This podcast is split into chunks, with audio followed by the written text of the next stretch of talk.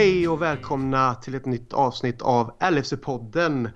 Vi kommer att snacka ner Aston Villa i det här avsnittet och sedan också snacka upp Champions League-matchen som spelas på tisdag, alltså imorgon kväll. Det är måndag när vi spelar in det här och då är det match mot Genk hemma på Anfield.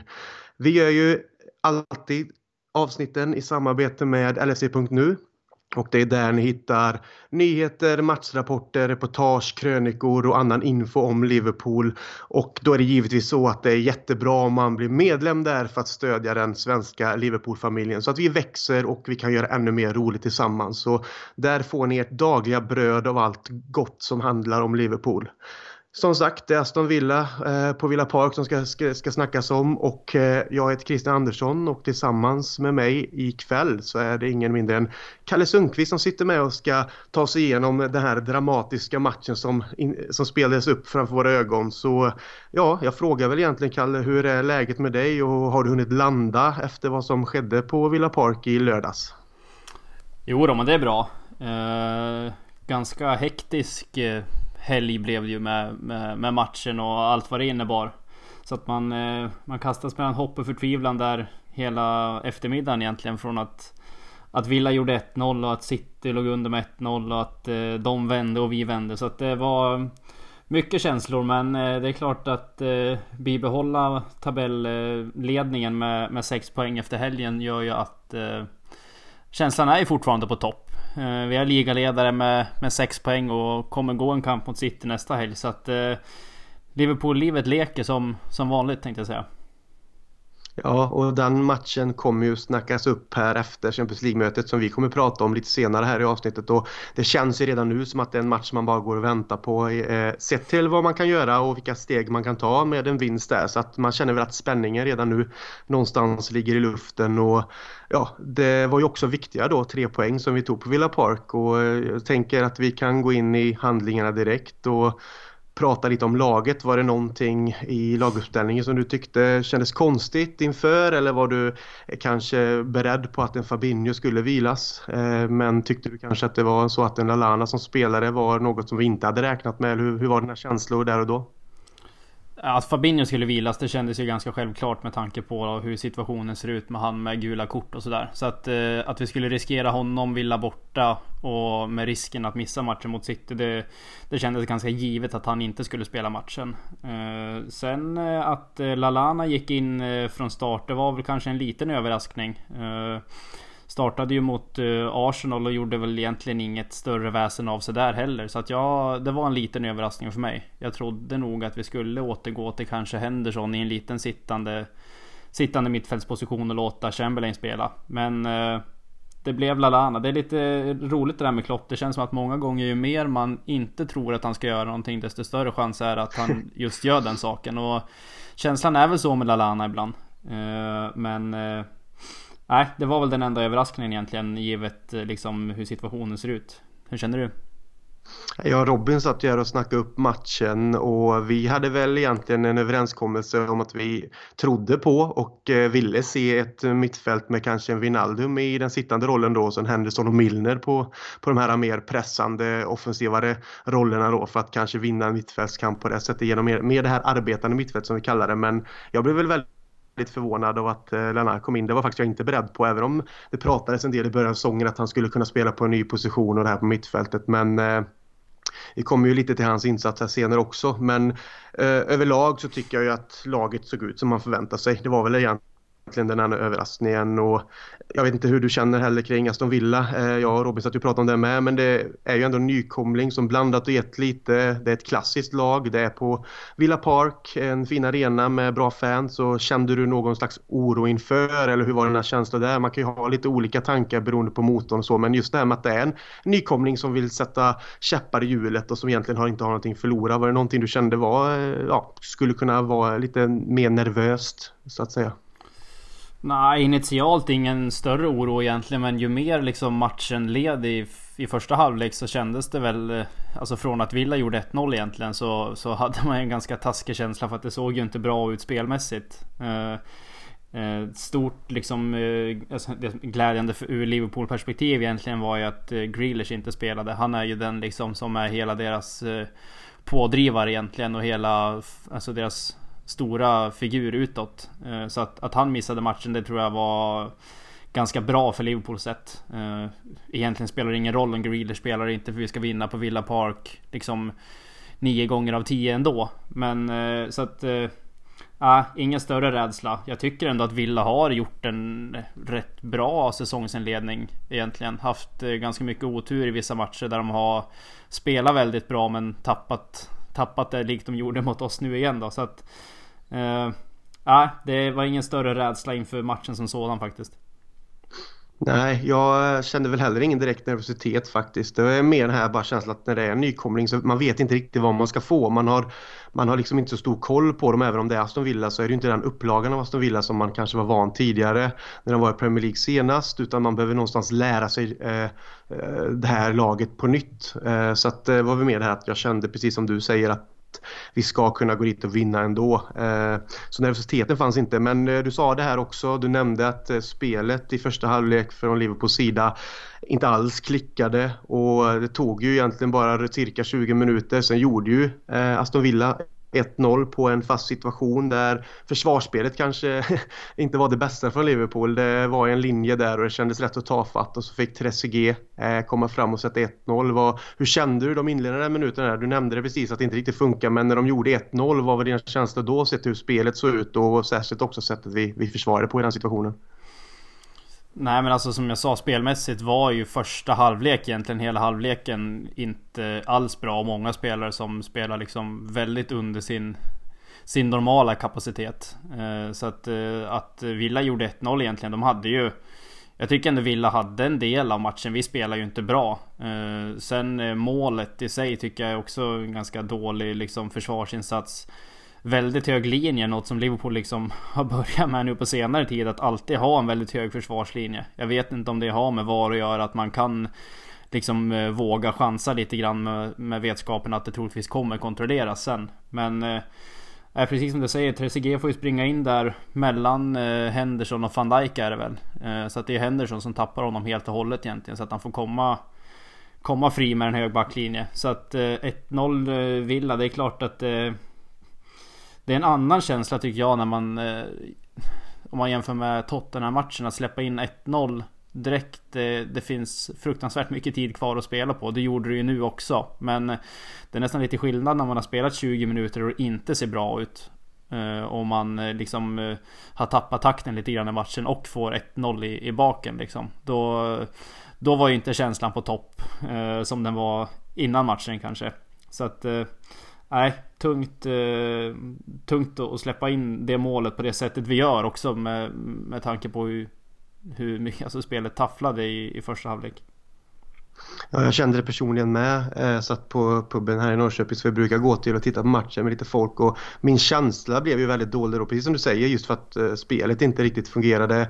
Men att de gör 1-0 eh, och sen att man då får en känsla att ah, fasen ska det här vara ja, matchen som där vi tappar poäng eller faktiskt förlorar vår första för säsongen med. Just magkänslan bara sa att det var äh, jäkligt fel men det fick man väl för senare vilket absolut inte gjorde någonting då. Men äh, just där och då tyckte jag också att äh, det kändes inte bra. Och sen vilket vi kommer komma in på här nu med så deras mål blev ju granskat för VAR och det var ju liksom eller granskat av VAR ska jag säga. Och det var ju väldigt nära ändå liksom på en offside men det blev ju godkänt. Men sen så några minuter efter det så kvitterade kvitterar Liverpool genom Firmino. Eh, men det målet däremot då vinkades av offside och kollades eh, med VAR och så bedömdes han vara på fel sida. Och det var ju väldigt, väldigt ja, millimeter ska man väl säga. Och jag, när jag såg det direkt på reprisen som visades och de höll på där så kände jag direkt ja men det är mål, det är inga konstigheter. Men eh, nej, så var, blev ju inte fallet. Vad, vad kände du där och då när du fick se bilderna och situationen som den såg ut?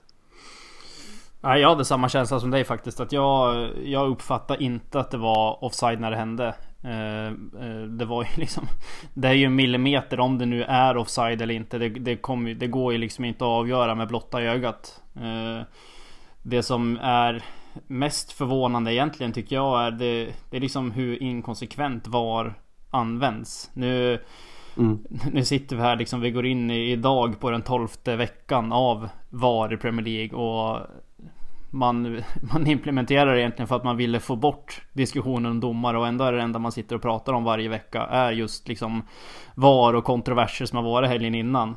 Eh, dumt nog som man är kanske så citerar jag en av Robins eh, liksom, tweets här i veckan att jag har hoppat på VAR-båten och sitter kvar i den nu för att jag, jag är i grunden för VAR. Eh, så mm. att eh, jag får väl sitta liksom här och, och ursäkta mig själv egentligen. Men det problemet jag ser i den här situationen egentligen är ju att domaren Linjedomaren går ju emot liksom det direktivet de har egentligen. De ska vinka offside på de situationerna där de är liksom 100% säkra på att det är offside. Och det, det kan eh, linjedomaren orimligt vara den här gången. I och med att det, det knappt går att avgöra med, med liksom en VAR-granskning. Så att eh, jag vet inte, känslan är att i och med att han har vinkat så vill de på något sätt kanske gå in och, och försvara Försvara hans agerande också. Det är ju så jäkla motsägelsefullt allt, allt med hur, hur VAR används. Jag tycker att det i, i teorin är en bra en bra tanke och jag tror att det kommer bli bra på sikt. Eh, I praktiken funkar det tyvärr inte lika bra. Så att eh,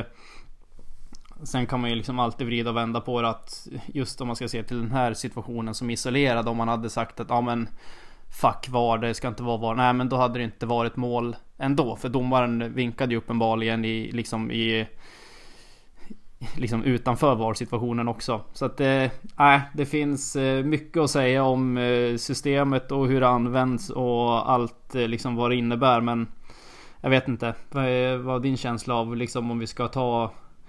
Nu ska vi inte bli för liksom VAR... var Vara liksom, kvar i VAR. Nej men det, det, alltså det, blir ju, det blir ju tyvärr så här. Eh, liksom varje vecka sitter man och säger att nu ska vi inte prata så mycket VAR. Men då kommer det upp någonting varje gång egentligen ibland flera mm. situationer i match som, som man liksom på något sätt måste få prata av sig om. Ja, men jag, jag, tänker ändå att vi kan ta ett grepp om det just för att det har blivit ännu mer snackis nu och det, det är ju det vi får göra här ändå. Eftersom att det snackas om det så tycker jag ändå att vi ska snackas om det här även om vi har sagt att vi vill lägga det bakom oss. Men det är ju för att det uppstår de här situationerna så då, då, blir det en diskussionsfråga och då tycker jag också att man ska diskutera det. Och ja, jag tänker personligen så är jag också egentligen för VAR. Alltså jag tycker verktyget som det egentligen är utformat att användas för vissa situationer är, är bra för att jag hoppas det kan hjälpa sporten att det kan bli eh, liksom när det kommer till regler. Alltså man tänker offside, man tänker hands i straffområdet, man tänker avgörande situationer. Men det som stör mig är just att det är så inkonsekventa bedömningar. Det känns som att ena stunden så bedöms saker eh, som man tänker, ja men det känns inte så uppenbart kanske och sen så bedöms saker som man tycker att det här borde de ju granska. Det är ju liksom en helt, eh, det var ju någon hands då eh, jag kommer inte ihåg när det var nu, men man pratar just om vissa saker, just att vissa saker oavsett borde bara kollas för det, det är ju liksom bara att de håller en kontakt med domaren. Det känns som att ibland så ser de på saker och ibland ser de inte andra saker men alla de situationerna borde ha kollats. Det är det som stör mig, att man sitter och själv fattar inte, jaha, kollas inte det här men borde det inte det? Man vet inte riktigt vad som gäller helt enkelt. Jag tror den känslan är för alla och även de som är på plats såklart som vill se eh, fotbollen live, liksom deras upplevelse blir ju helt ställd. Det blir ju inte lika roligt att gå på fotboll längre och jag tror att det spelar in mycket med. Och ja, för att stanna kvar på spåret här så jag vet inte om du har sett det men det är säkert många där ute som har sett att Andy Gray pratar ju i ett klipp på Twitter då som jag såg det i alla fall och det ligger ute typ säkert på andra kanaler också men att Firmino är onside och han har granskat det här vinket på det röda strecket att det har en vinkel och, och liksom inte alls är rakt och i linje och Chris Kamara som är en gammal ex-spelare och expert han gick så långt som att säga att någon i varumet inte ville att det skulle bli mål där. Jamie Carragher gick ut eh, nyligen här och sa att han har ju tidigare varit för VAR och vill ge den chans för att utvecklas och göra bedömningar i sporten bättre. Men nu tvivlar han och är emot det så att det är väldigt många experter också som går ut och verkligen alltså, trycker till VAR. Att det blir mer diskussioner än vad vi tidigare diskuterat domarnas beslut och det är väl det som skapar de här känslorna kring det med att det fungerar helt enkelt inte och är då värt att ha det just nu. Eh, jag förstår att man, det kommer vara kvar eh, eh, antagligen och det kommer behöva utvecklas men det behöver, kommer behöva utvecklas ordentligt för just nu känns det väldigt hoppigt eller håller du med mig eller ja, är du, är du, tycker du samma? Nej men det, det, är klart att jag håller med om det att det är för Det är för inkonsekvent helt enkelt. Eh, liksom jag ska inte sitta och liksom eh, leka någon form av paragrafryttare att man vill ha rätta beslut till varje pris. För det vill jag inte. För att på något sätt så måste det ändå funka på ett smidigt sätt. Eh, enda anledningen egentligen till att jag är för VAR Det är för att jag i grunden tycker att domarna är för dåliga i Premier League De Jag tycker inte mm. att domarna håller en tillräckligt bra nivå och att man i alldeles för många år har suttit och pratat om Ja egentligen hur dåliga domarna är För att det, i mina ögon är det bara en domare i Premier League som jag tycker håller liksom eh, om man ställer i jämförelse till vilken kvalitet spelarna håller så tycker jag bara att det är en domare i Premier League som håller måttet och det är Michael Oliver. Uh, nu precis innan vi tryckte på att spela in här så såg jag att han hade blivit tillsatt som domare mot City och det är ju en jävla tur att, att uh, vi får honom den matchen. Uh, mm. Jag vet inte riktigt, det känns som att när man ser på det ur mitt perspektiv att man vill ha VAR för att man tycker domarna är för dåliga. Så på det sättet används nu så är det väl kanske inte optimalt med tanke på att de de har satt in VAR med utgångspunkten att de vill inte köra över domarnas egna vilja och deras liksom förmåga att eh, fatta beslut eller oförmåga som jag tycker att fatta beslut. Så att då blir det ju problemet att okej, okay, domarna släpper vissa situationer Typ om vi tar exempel nu City eller United-matchen. Domaren släpper situationen och sen går VAR in och kollar det och då vill de troligtvis inte köra över domarens beslut som man har fattat initialt och så låter man det gå och sen blir det fel ändå. Så att jag vet inte, jag är inte rätt person att sitta här och säga hur VAR ska användas. Men jag tycker ändå att det på något sätt måste finnas tydliga riktlinjer för när det ska användas. Det gör det ju nu. Det finns ju liksom uppradat vilka situationer VAR ska användas. Men framförallt hur det ska användas. Det måste finnas någon form av konsekvens. För att inför man ett sånt här system som i grunden ska leda till att det fattas rätta beslut. Då måste man kunna ha någon, några former av riktlinjer att gå efter så att besluten fattas på samma grund varje gång. Men det gör de ju inte nu för att nu är det ju liknande situationer. Och sen beror det på vem det är som sitter i varummet och kollar. I det här fallet var det Atkinson. I någon annan match kan det vara någon annan som sitter där och har en annan uppfattning. Så att det, det är en jätte, mm. liksom, det är en jättesvår situation men eh, Ja, det känns som att eh, det kommer nog eh, ta ett tag att eh, det får vara lite så här barnsjukdomar i början. Nu, nu har det gått 12 veckor som sagt och att jag tror att vi kommer få vänja oss vid att det kommer nog vara hela säsongen tror jag att det kommer vara ganska mycket diskussioner kring VAR. Och så får man väl göra någon utvärdering i maj egentligen och se hur det har funkat. Jag är svårt att tro att de kommer frångå det när de har implementerat det en gång. Men de måste ju få det att funka på ett bra och konsekvent sätt. Mm, nej, jag håller med dig i allt du säger. Och det var väl en situation där mot Villa nu med som jag tänkte för vi, vi pratar ju om de här offside-lägena som, som granskas. Och, och, jag menar det har jag ingenting emot att eh, alltså TCG gör mål, det granskas för offside för det skulle kunna varit det. Nu visar sig att det inte, att det inte är det på också millimeter nästan och det, deras mål blir godkänt, fine. Och det är samma sak då. Firmino eh, i mitt tycke är onside och enligt vad många andra säger och tycker också så är det väldigt konstigt att det inte blir godkänt, att det ska vara mål. Men nu blir det bortdömt fine någonstans i det i långa loppet med då, även om man, man, kanske inte håller med om det. Så det är en bedömning de tar med VAR. Men då, då granskar man i alla fall situationerna. Sen hade ju vi en, en, en hands i straffområdet som jag tyckte borde kollas. För den handen på Aston Villa-försvararen tyckte jag inte höll naturlig. Alltså den stoppar bollen att gå förbi kroppen på Aston Villa-spelaren in i, i, i, vidare i straffområdet. Och då tycker jag att den ska i alla fall granskas. Och den väljer man inte ens att kolla på. Det, det är där den här inkonsekventa eh, alltså bedömningen då blir och, och, det är då det faller tycker jag. För att man kollar offsiden och bedömer mål eller inte mål. Ja, helt korrekt. Men då måste man också kolla om det är en avgörande straffsituation. För det, det är ju, en straff är ju en straff och det är väldigt stor chans att det kan bli mål på det. Men väljer man inte ens att kolla en hands då tycker man ju att hela systemet verkar väldigt konstigt. Så jag antar ju som du säger att vi kommer sitta här och få diskutera VAR framöver också. Men vi, vi släpper väl det för stunden nu och går vidare och Ja, precis som du egentligen säger då så är det ju också en, en, en dålig första halvlek av, av Liverpool. Ehm, och det känns väl som när vi går ut efter första halvlek att vi behöver verkligen eh, ja, granska oss själva och komma ut med helt andra tankar och en helt annan fart och, och så vidare. För eh, Aston Villa kändes ändå som att de kanske inte var jättefarliga men de på något sätt eh, styrde matchen. Så ja, vi hade väl egentligen fortsatta problem när vi kom ut i andra. Eh, men eh, sen började vi skapa lite chanser. Och det tog väl inte, ja det var väl en timme in ungefär som Mané hade en nick som Eton räddade och det, det är de här känslorna att vi börjar bygga upp någonting. Hade du den känslan också? Att eh, nu, nu liksom börjar vi någonstans få ett grepp och trycka tillbaks dem. Nu gäller det bara att få in det där målet.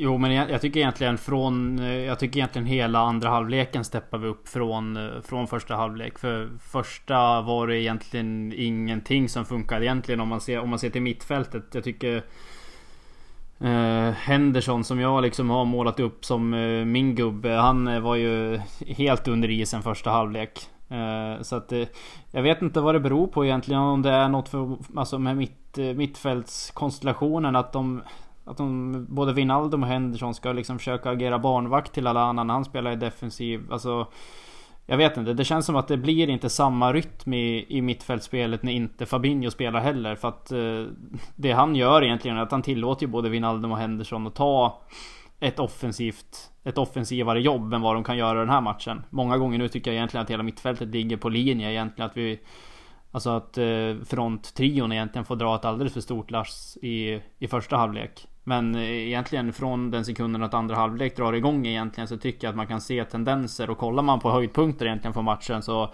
i andra halvlek så radar vi upp ganska mycket målchanser faktiskt för att eh, avgöra matchen tidigare än vad vi gör. Så att Ja, det andra halvlek steppar vi upp eh, rejält på många sätt. Liksom både spelmässigt och målchansmässigt. Med kanske Mané egentligen i, i spetsen.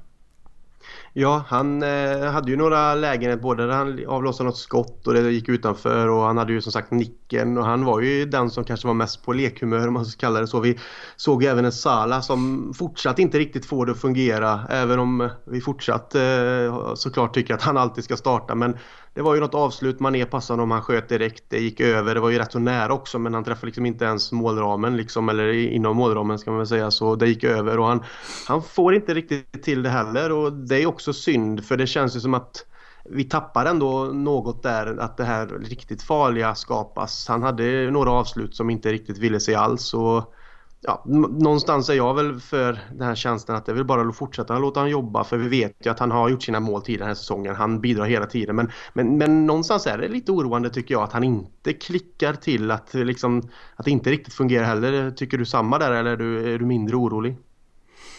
Nej men i, i grunden tycker jag inte, alltså Nej egentligen är jag inte så orolig om, man ska, om jag ska fatta mig kort. Jag tycker att vi eh, Visst, han gör inte lika mycket mål som han gör tidigare. Men jag tycker ändå att man kan se tydliga liksom, tendenser i spelet när han spelar och när han inte spelar. Eh, om man ska se liksom United-matchen där han inte var med. Tycker jag att vi har liksom oerhört svårt att skapa någonting framåt bara för att han inte är på planen. Eh, det mm. känns som att hans närvaro egentligen, vi har pratat om det många gånger, men att det skapar det skapar utrymme för andra spelare och andra åt sig uppmärksamhet och det liksom är alltid någon form av eh, liksom oro från motståndarna när Salah spelar. Eh, så att även om inte han gör mål eh, i den utsträckningen som han har gjort tidigare, vilket är kanske för mycket eller det är för mycket begärt egentligen att det liksom, han har slagit Premier League-rekord som ingen annan har gjort tidigare. Så att, att man ska förvänta sig att han ska liksom prestera på den nivån med det målsnittet säsong efter säsong. Det är ju för mycket begärt. Eh, så i grunden är jag inte orolig. Jag tycker att vi har många andra spelare som uppenbarligen bidrar med, med mål. Med Mané egentligen som har tagit över den liksom absoluta stafettpinnen som kanske är viktigaste spelaren i laget. Så att eh, nej, i grunden är jag inte orolig för Salah. Men jag tycker nu egentligen att det kändes som att han är fortfarande lite hämmad av den här skadan. Att han är lite försiktig. Han försöker skydda sig själv i många situationer och inte liksom lika mm. eh, hänsynslös mot sig själv i vissa situationer. Så att eh, det är... Nej, det, jag, kortfattat jag är inte orolig för, för, eller för Salas form. Nej, och det, min känsla är väl mer det här liksom att eh, det, jag tycker alltid att han ska starta, för inget snack. Det är väl mer den här känslan att när han kommer till de här lägena Eh, och missar och man har sett han göra mål tidigare för någonstans så vet vi att eh, statistiken sa jag, jag vet inte exakt här och nu men tidigare så hade han ju börjat den här säsongen nästan bättre än någon annan säsong sett till målskörd och assist så han har ju absolut bidragit på ett sånt sätt som man glömmer av. Det är bara att det inte, inte ser lika enkelt ut. Det, är inte, det, är inte, det, det flyter inte på samma sätt som det gjorde eh, både första och egentligen kanske under andra säsongen heller så. Utan det, det är lite svårare och såklart skadan kan kan sätta sig lite på honom i huvudet också. Att man inte vill riskera någonting och att man precis kommer tillbaka från den. Och sen, sen får han kanske helt annat eh, eh, motstånd också. Alltså försvararna lär ju sig också. De, klart de kollar ju hur han spelar och hur de kanske ska försvara också. Så att, nej, det, det är väl mer den här känslan av att man vill bara att det ska klicka. Det här känslan av att Salah rullar bara fram att han vänder bort en gubbe och vänder, liksom slår in bollen i bortre liksom med sin vänster. Det, det, är väl det man har vant sig vid och då blir det väl mer när han kommer till de här lägena, tar avslut, det går över, det går liksom ut från alltså, konstiga vinklar, alltså skotten är inte rena, känns inte som att det är riktigt vill sig helt enkelt. Då, då finns det väl en frustration som smyger på en just för att man är så van att han brukar kunna komma och rädda oss också. Men vi har ju ändå Mané, vi har Firmino, vi har andra som eh, hjälper till nu så vi är ju kanske lite mer ett lag nu än innan då när Salah var den som var den eh, som alltid nästan gjorde mål så att säga. Men eh, det var ju också så att eh, när det återstod 25 minuter av matchen så fick han eh, gå ut tillsammans med Gini Wijnaldum och istället kom Oxlade Chamberlain och Origi in och eh, där är vi kanske nå, har, har vi sett en Oxlade som har hittat form i de senaste matcherna och varit väldigt bidragande och fanns väl en såklart tanke där och Origi är ju en annan typ av spelare. Kände du att de bytena kändes, ja, kändes de rätt helt enkelt i det läget som var där? Jo, men det var väl känslan egentligen. Jag tycker som... Alltså ska man se till matchen så uträttar ju inte Salah speciellt mycket egentligen. Plus om man har i åtanke att han har haft en skada och man vill nog liksom få in honom. Kanske inte liksom låta honom spela alldeles för mycket nu i början. Så, så känns det väl ganska naturligt att göra det bytet. Chamberlain tyckte jag var helt rätt att byta in. Eh, sen behövde ju, vi behövde ju offensiv kraft. Vi behövde ju gå för, för poäng i matcherna. Då spelar det egentligen ingen roll om vi, om vi eventuellt skulle blotta oss lite bakåt. För att eh, i andra halvlek styr vi ju matchen egentligen på samma sätt som vi gör mot Tottenham. Bara att vi hade inte samma typ av alltså, offensivt tryck och skapade chanser. Men vi styr ju spelet många gånger. Eh, Aston Villa skapar ju någon chans där de kan spela på en kontring och van Dijk Eh, bryter alldeles framför Wesley. Sen, sen tycker jag att det är vi som har matchen i våra egna händer. Och direkt, direkt bytena görs så tycker jag att man kan se enorm form av skillnad. Vi har pratat om det många gånger förut att Chamberlain liksom så fort han får bollen så är hans första intention egentligen att ta den framåt i banan. Och man ser ju liksom det första som händer egentligen när han varit inne att han får ju lossa tre skott liksom i en och samma situation egentligen. Så att det, det blir ju en mm. offensivare tyngd både med honom och Ori egentligen.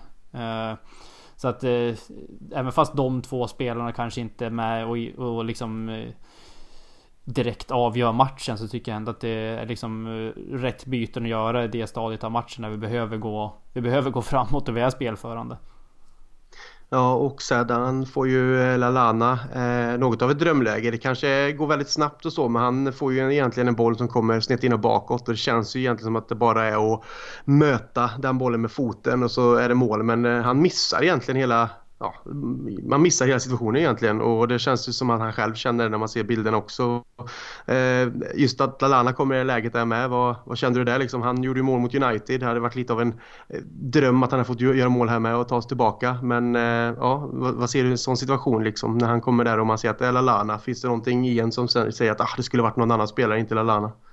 Ah, det hade väl varit för bra för att vara sant egentligen om man skulle sätta den. Att han kom tillbaka så här från liksom som gubben i lådan och ta poäng mot United och skulle sätta en, ett kryss här. Alltså precis som du säger, han kom ju helt fel till bollen egentligen så att det är ju i grunden, alltså han ligger ju i bakgrunden om man kollar på hela situationen som sådan så ligger han ju i bakgrunden och liksom i slutskedet egentligen tar löpet in i straffområdet på Alltså ett sånt sätt som egentligen har skrikit efter att mittfältare ska göra. Så att det... Mm, precis. Men eh, sen alltså, sen tror inte jag att det har att göra med att det är Lalana som springer in där. Utan han kommer bara helt fel till bollen. Eh, och, det blir ju liksom nästan, jag vet inte om det blir inkast. Men känslan var ju att den var ju riktigt, riktigt snedträff. Eh, så att det, är en av många chanser i andra halvlek som vi skapar. Du har liksom pratat om, om Mané och vi, vi har många chanser i andra halvlek. Och det där var ju bara en av en av många. Eh, det där är väl kanske den mest uppenbara målchansen där egentligen det är alltid svårt att möta bollen på det sättet. Man ser ju många gånger att det, folk avslutar ändå. Men man hade ju... Ett skott på mål hade man ju kunnat önska i alla fall.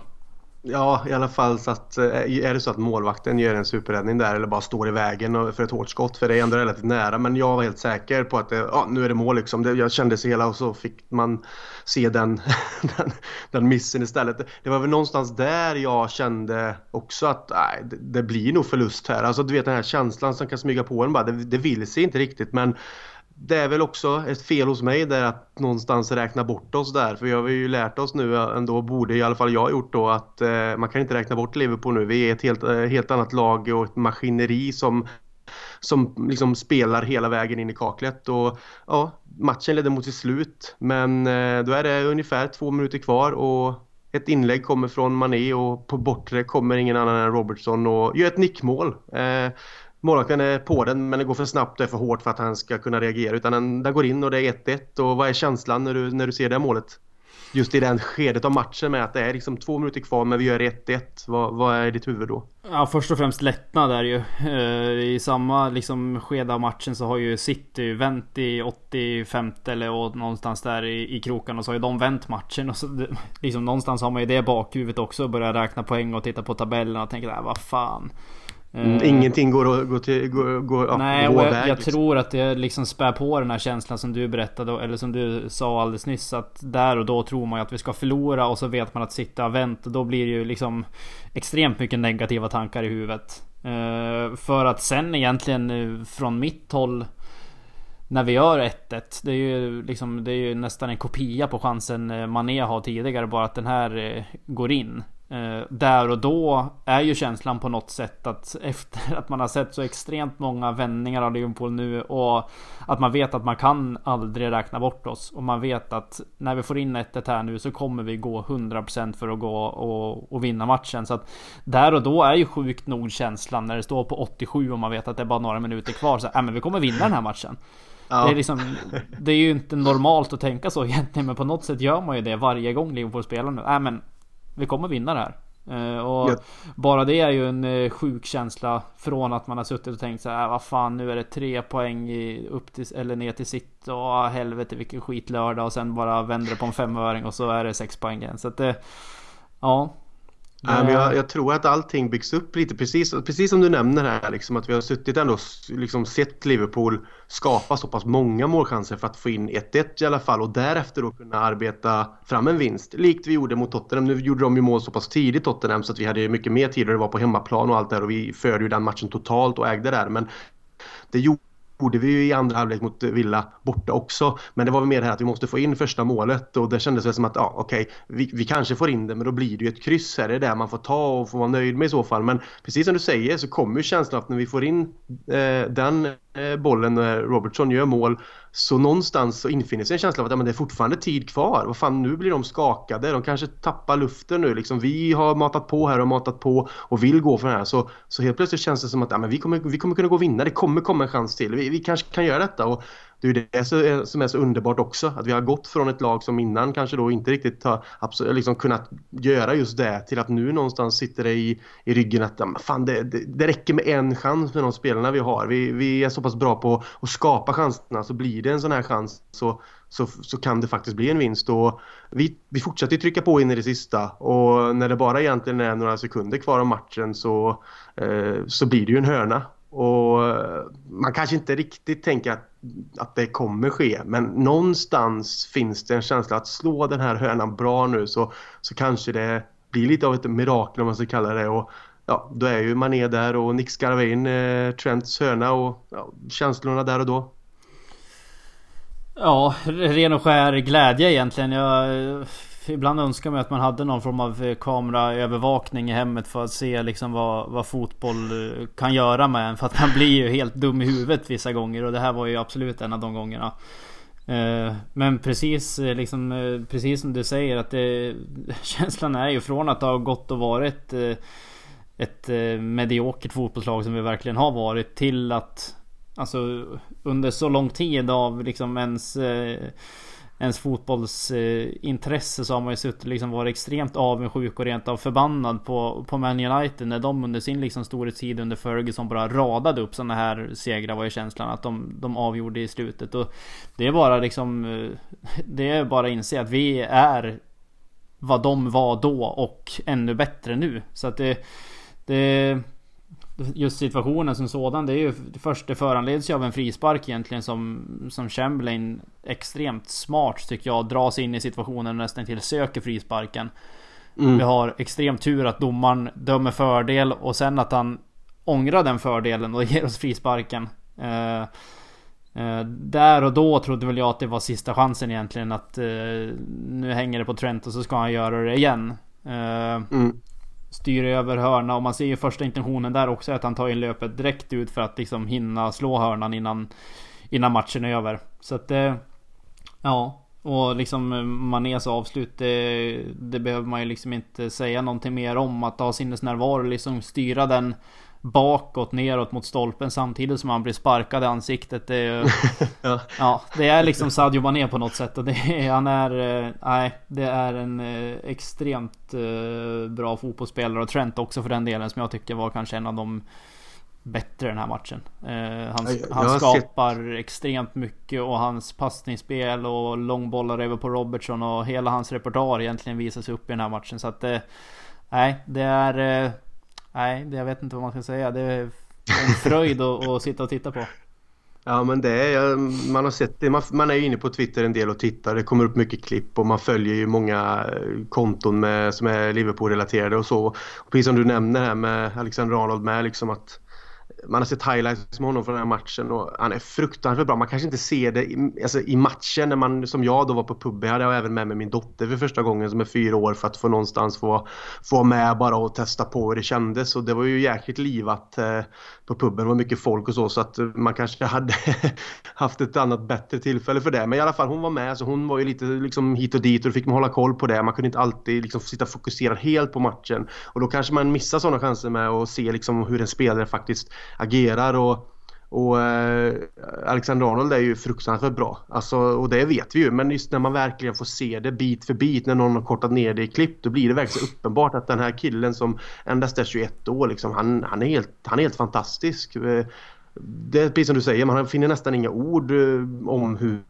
hur bra han är och vad, hur bra han kan, kan komma att bli. Och det enda är att man får sitta och glädjas över att liksom vi, att han är i vårt lag och att vi har en minst lika bra vänsterback också. Även om de har lite olika repertoar så som spelare så har vi kanske världens två bästa ytterbackar just till hur de liksom bidrar till laget. Och, nej, det är väl bara att njuta av och det är han som slår hönan, man nickar in den, han får det fot i nyllet. Men sen är det ju, man ser ju på spelarna också liksom vad det betyder. Nu, nu har jag ingen aning om hur mycket de vet hur resultatet är i City-matchen liksom när de själva spelar. Jag vet inte hur det förmedlas eh, från en bänk eventuellt på planen bland spelare och så vidare. Eller om det ens finns det. Jag har ingen aning. Men det är ändå det här att ta, ta de här tre poängen särskilt när man vet att man möter City hemma nästa omgång liksom. Så att nej, för mig var det oerhört viktiga poäng och det är ju alla poäng men en sån här match inför City som är så oerhört viktigt att ta full pott och så gå in i en sån match med den känslan och att de firar så jäkla härligt också när det är precis slutminuten. Så nej, vi tar väl med oss det från den här matchen och jag tänker att du tar väl kanske med dig det också, just den här känslan av att vi arbetar hela vägen. Är det någonting annat som du tycker att man ska trycka på nu när man ska gå in sen mot givetvis Genk i Champions League men sen då i Premier League mot City. Vad vill du ta med dig i så fall? Alltså ska man se till ligan egentligen så är det ju Det här är ju bara en av många matcher i följd. Där vi har visat att vi är extremt starka liksom eh, Både spelmässigt men även mentalt. Att vi liksom inte låter oss brytas ner att vi Ja, kort och gott liksom vi spelar tills domaren blåser i pipan och det är ju på något sätt det man ska göra. Eh, det är extremt lätt att säga men jag tror det är svårare att göra. Och, men vi spelar faktiskt varje match tills domaren blåser i pipan. Det spelar ingen roll vad det står. Och vi tror nästan alltid att vi kan vinna matchen. Så ska man se till Premier League så tror jag det är extremt viktigt rent psykologiskt sett att veta att vi fortfarande har 6 poäng ner till City och att vi liksom vänder den här matchen som vi gör igen. Ehm, så att det, är väl det man tar med sig egentligen. Ehm, bara fortsätta liksom tugga på. Vi är extremt starka i Premier League. Vi har liksom eh, 10 av 11 segrar och ja, det, man, behöver, man behöver inte säga så mycket. Det känns som att vi är en jävla maskin som bara tuggar på och man liksom jag tror att många andra som sitter och tittar på, på Liverpool som är liksom utomstående också är extremt avundsjuka på hur vi alltid hittar sätt att vinna matcher oavsett vad det står. Så att det, det är bara att fortsätta tugga på liksom på, på samma vis som vi har gjort hela säsongen. Uh, och nu är, har vi en uppgift som väntar imorgon och, och spela Champions League. Sen är det bara full fokus på ligan igen. Ja, och eh, på tal om Champions League ska vi prata om, om, om Genk-matchen här. Jag, jag såg också på Twitter idag en, en, eh, en bild eller om man säger med, med en uppställning som vi hade mot eh, Real Madrid borta ja, jag såg för fem också år sedan. Jag tänkte vad fan är det här? Och Jocke och, och Robin var ju där också. Jag var, var ju nästan tvungen att skriva till dem och be om ursäkt för att vi spelar med det där laget. Ja men det är den här känslan, fem år visst, i, i många andra liksom, situationer är det, är det lång tid men just fotbollsmässigt sett till karriärer och byta av managers och hur lång tid det tar att liksom, få ett lag kanske från en viss situation till en annan situation så är det relativt kort tid för det tar tid. Liksom, det är ingenting som görs över en natt, det krävs liksom, tålamod och så men det är just känslan av att se den startuppställningen Eh, också jämföra med det med dagens eh, startelva och hur vi spelar och hur vi, precis som du säger, vinner matcher när, när vi ändå äger en match men inte får in den här bollen men ändå lyckas vända till slut. Hur det här psykologiska övertaget är på ett helt annat sätt jämfört med tidigare. Och, och det är ju också någonting som gör att man får, man får helt enkelt bara stanna upp och när man ser en sån startelva som, som då mot Real Madrid för fem år sedan och bara njuta av av här och nu och det är någonting vi återkommer eh, till här i podden med och jag tror att folk ändå gör det där ute som lyssnar på oss och som håller på Liverpool att man får faktiskt tänka att fan det här, det här kommer inte vara för evigt så det gäller verkligen att njuta av stunden. Vart den än leder så måste man inse att det här är liksom kanske det bästa Liverpool-laget som någonsin har spelat i Premier League och ja, det, det, är bara att försöka njuta och inte tänka och oroa sig för mycket. Även om jag ibland kan göra det personligen, det vet jag, så får man ändå känna så här, det är precis här man vill vara. Det är precis så här som vi har suttit och varit avundsjuka som du sa tidigare på United under deras storhetsperiod under Ferguson. Nu är vi själva där och då gäller det bara att greppa om det och njuta av det för det, tyvärr var det inte för evigt. Så nej, eh, vi gör så att vi, vi njuter av vårt Liverpool och så snackar vi upp Genk här som spelas i måndag. då. Då är det hemma på Anfield och vad har du för tankar kring matchen här? För vikten att vinna är fortfarande stor liksom med tanke på ett avancemang. Men så har vi ändå City sen på söndag. Det är dagar däremellan. Men vill man riskera någon? Vill man vila någon? Vill man liksom ja, försöka ge all kraft då eh, sen mot City? Eller hur tänker du kring matchen imorgon? Vi vet ju att Genk är inte det bästa laget men man ska inte underskatta lag så att säga. Nej det ska man absolut inte göra. Eh, liksom ser man, eh, om man ska se till matchen imorgon och liksom hur tabellen ser ut så ser jag Alltså egentligen kort och gott imorgon ser jag liksom att det är en chans att vi kan stänga gruppen egentligen. Säkra avancemang. För vinner vi imorgon går vi upp på 9 ja. poäng. Napoli möter Salzburg. Ja, någon av dem kommer tappa poäng. Eh, mest troligt Salzburg kanske. Och Går vi upp på 9 poäng i gruppen med två matcher kvar att spela. Att vi ska spela mot både just Napoli och Salzburg sen. Så att en vinst imorgon i mina ögon så säkrar vi i alla fall avancemang. Så att jag tycker vi ska nog inte rotera allt för mycket men det kommer ju absolut roteras eh, en del. Jag tror nog att eh, Känslan är, jag skulle nog inte spela Sala imorgon med tanke på vilken match det är i helgen. Vi ska lösa, vi ska lösa Genk utan honom. Uh, sen Milner Milner användes inte helgen så han kommer väl troligtvis komma in skulle jag tro. Så att det, det sker nog en del roteringar. Uh, och jag tror nog att laget och Klopp är fullt inställda på att vinna. För vi ska vinna mot Genk 10 gånger av 10 hemma på Anfield. och stänga gruppen egentligen.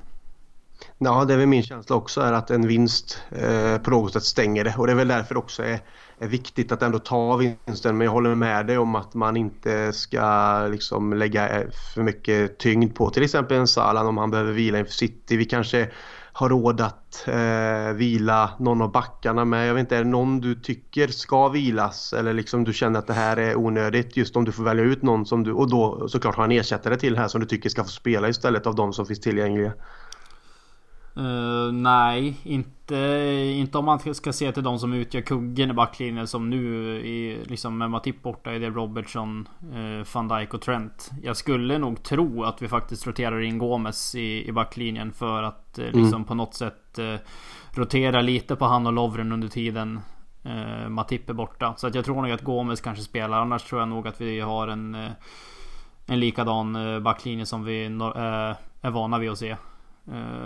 Sen vet jag inte, liksom mittfältet och framåt. Det finns ju många alternativ. Kommer vi spela Fabinho till exempel? Eller ska vi vila honom en match till? Det tror jag inte. Jag tror att Fabinho kommer spela.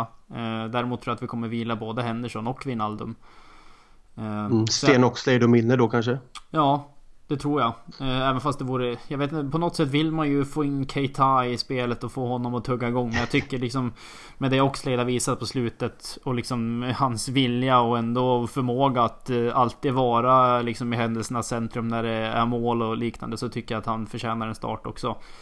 Eh, jag vet inte, jättesvårt. Sen tycker jag att Salah ska, ska vila så Origi ska spela.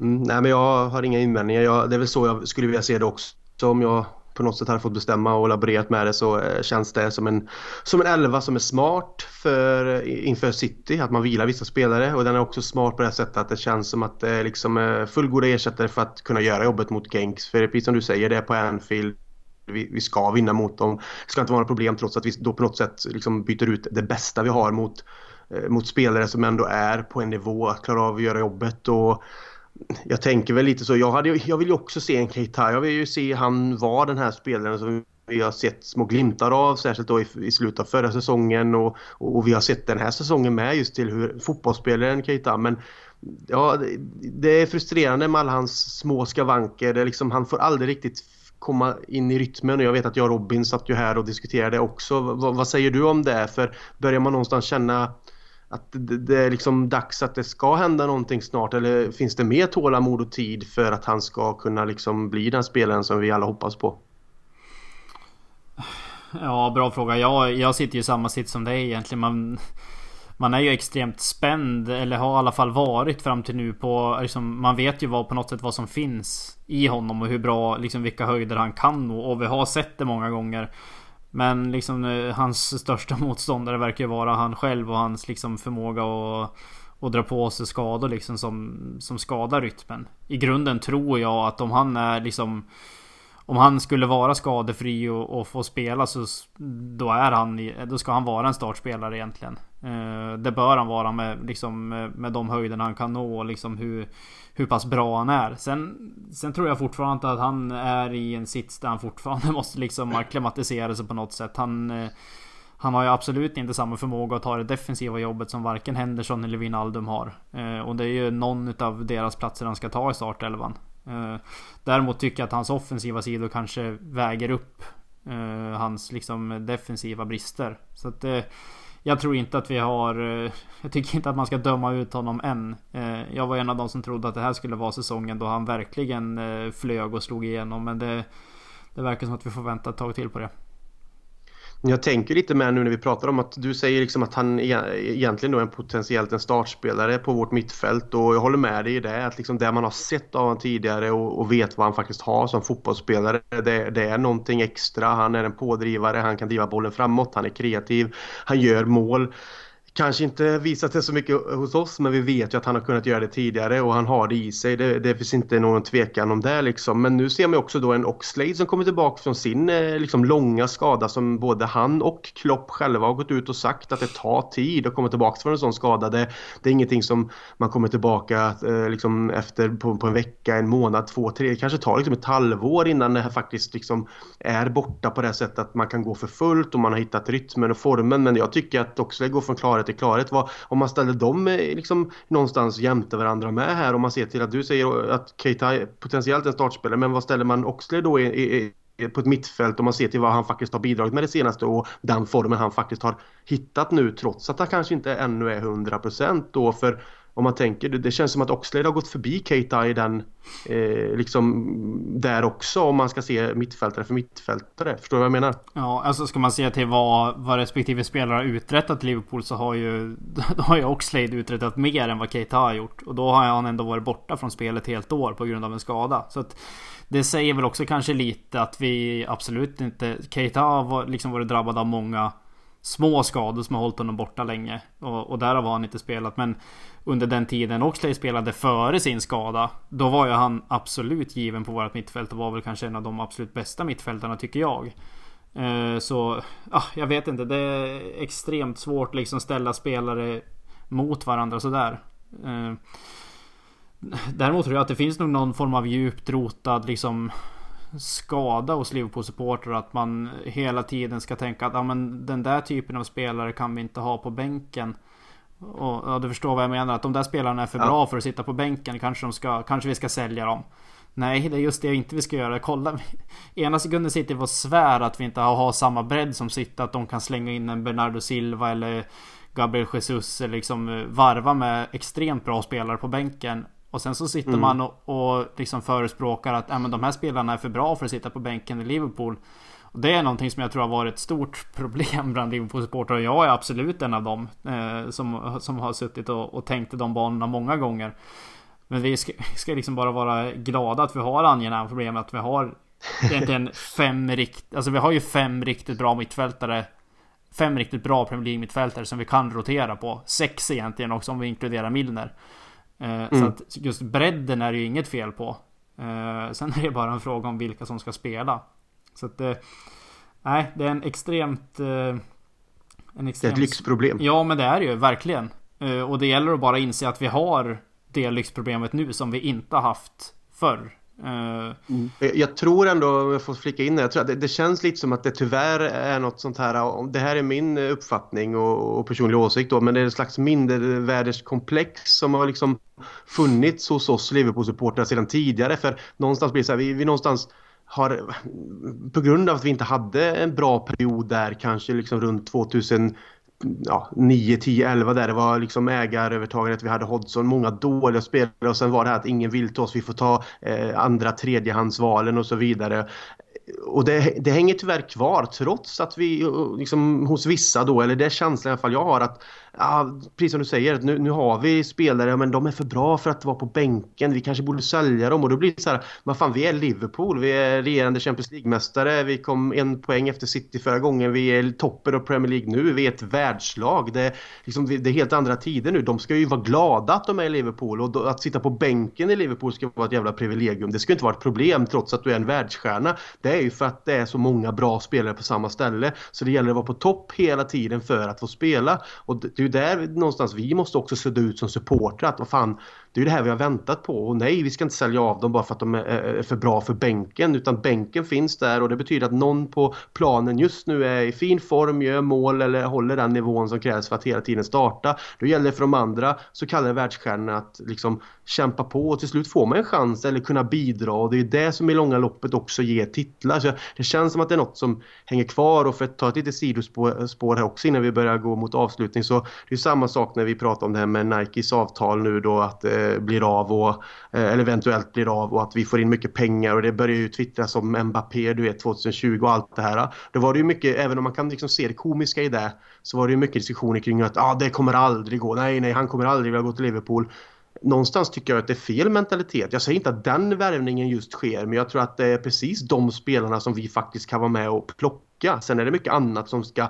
falla, i, falla på plats för en sån värvning ska gå i lås. Det är löner, det är övergångssummor, det är, det är andra aspekter, det är andra klubbar som kan vara med och göra, liksom ge andra, eh, ja, eh, förhandla på andra sätt och så vidare. Men det är absolut inte någonting som säger att Liverpool inte är med i spelet där. Jag tror att vi absolut har chansen att gå för en Mbappé, en eh, Sancho och den typen av spelare utan att någonstans hålla på hela tiden behöva sitta liksom lugnt i båten och bara nej, de kommer aldrig vilja komma till oss. Vad fan, just nu så tror jag att Liverpool är en av topp fem klubbar i världen dit världselitspelarna vill gå sett till hur vi ser ut som klubb, hur den är strukturerad med Jürgen Klopp, hur vi spelar fotboll, hur vi faktiskt vinner saker nu. Håller du med mig eller är jag helt ute och, och flyger här? Nej, jag håller absolut med dig. Alltså, jag tror att det ligger någonting i det där att eh, du nämnde liksom mindrevärdeskomplex tidigare. Att det är lite så här, nej men inte ska väl vi Alltså förstår Precis. du? Eh, och vi måste släppa det nu. Det har gått fort. Extremt fort. Och på kort tid har Jürgen Klopp och Liverpool uträttat extremt mycket. Så att eh, det har verkligen gått fort. Jag förstår att kanske vissa inte har liksom hängt med i omställningen efter att man har levt ett liksom Våran generation ett halvt liv liksom i ren eh, fotbollsmässig misär liksom. Och, sit, ja, men, och sen tittar man nu är du en ung fotbollsspelare i Europa som liksom ska ta nästa steg.